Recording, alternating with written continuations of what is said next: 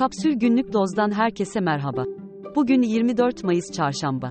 Yurdun büyük bölümünde yine yağmur bekleniyor. Hava sıcaklıklarında önemli bir değişiklik olmayacak. Şimdi haberler. Zafer Partisi lideri Özda, Kılıçdaroğlu ile yaptığı görüşmelerin olumlu ilerlediğini ancak son kararı açıklamadan önce bir kez daha görüşeceklerini söyledi. Buna göre, iki ismin bugün ortak bir açıklama yapması bekleniyor. Özda, sığınmacıların ülkelerine gönderilme takvimi, anayasadaki Türklük tanımı ve ilk dört maddenin korunmasının yanı sıra terörle mücadele konusunda taahhüt içeren protokol metni üzerinde görüştüklerini açıkladı. Terörle mücadele için kayyum uygulamasının devamını isteyen Özda, Erdoğan'a desteğini açıklayan o anın kararının kişisel olduğunu belirterek biz hala cehennemin kapılarını kapatmaya çalışıyoruz dedi. TÜİK'in eski başkanı ve İyi Parti lideri Akşener'in başdanışmanı Birol Aydemir, 6 milyon seçmeni kapsayan 22 bin sandığın şüpheli olduğunu söyledi. Aydemir, Erdoğan'a normalin dışında 775 bin ila 836 bin arasında oy gittiğini savundu. Seçime dair diğer gelişmeler. Deve Türkçe'nin kulis haberine göre, ilk turdan 5 ila 6 gün önce de Erdoğan'la görüşen o an, son görüşmesine Özdağ'dan habersiz gitti. AKP Seçim İşleri Başkanı Yavuz, 28 Mayıs'taki seçim sonuçları için bir saatte alırız dedi. Türk Tabipleri Birliği, Erdoğan'ın da katıldığı büyük bir törenle açılışı yapılan Hatay Defne Hastanesi'nde inşaatın devam ettiğini ve sadece poliklinik hizmeti verildiğine ilişkin görüntüler paylaştı. Su basan hastanenin içine dolan yağmur sularının çıkarılmaya çalışıldığı görüldü. Türkiye genelinde ortalama kira bedeli Nisan 2019 ve Nisan 2023 arasında %583 oranında artış gösterdi.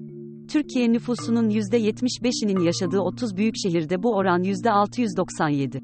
Antalya'da artış %1109, Mersin'de %963, Muğla'da %935, Ankara'da %833, İstanbul'da ise %713.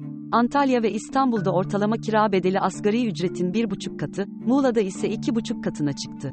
30 büyük şehirde ortalama kira bedeli asgari ücretin %79'unu aşmış durumda.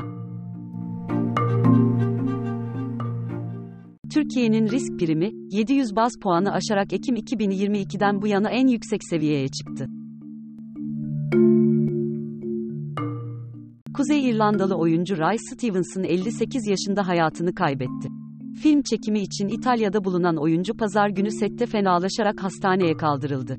Ölüm nedeni açıklanmayan Stevenson, Rome, Vikings ve Dexter gibi dizilerdeki oyunculuğuyla tanınıyordu. WhatsApp, mesajların gönderildikten sonra 15 dakikaya kadar düzenlenebilmesine izin vereceğini açıkladı. Önümüzdeki haftalarda tüm kullanıcılara sunulacak özellik ile, düzenlenen mesajlar düzenlendi olarak etiketlenecek. Yunanistan'da seçimleri %40'ın üzerinde oy alarak tamamlayan Yeni Demokrasi Partisi, hükümet kurma görevini iade etti. YSP ve lideri Miçotakis, ülkeyi yeniden seçime götürüp bu kez tek başına iktidar olmanın planlarını yapıyor. Seçimleri %20 oyla ikinci sırada tamamlayan Siriza da hükümet kurma görevine sıcak bakmadı. Siriza lideri Çipras, Cumhurbaşkanı Saykılropoulou ile görüşmesinin ardından, hükümeti kurmak için gerekli dengeler ortaya çıkmıyor açıklamasını yaptı. Almanya'da, CHP lideri Kılıçdaroğlu'nun 2017'deki adalet yürüyüşü sırasında muhaliflerin cep telefonlarına sahte bir internet sitesi aracılığıyla yüklenen casus yazılım FinSpy'in geliştiricisi Finfiher şirketiyle ilgili soruşturma tamamlandı.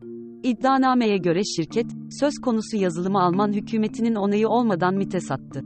Şirket, yazılımı indirmesi için 3 bağlantı linki gönderirken ayrıca yazılımla ilgili eğitim de verdi.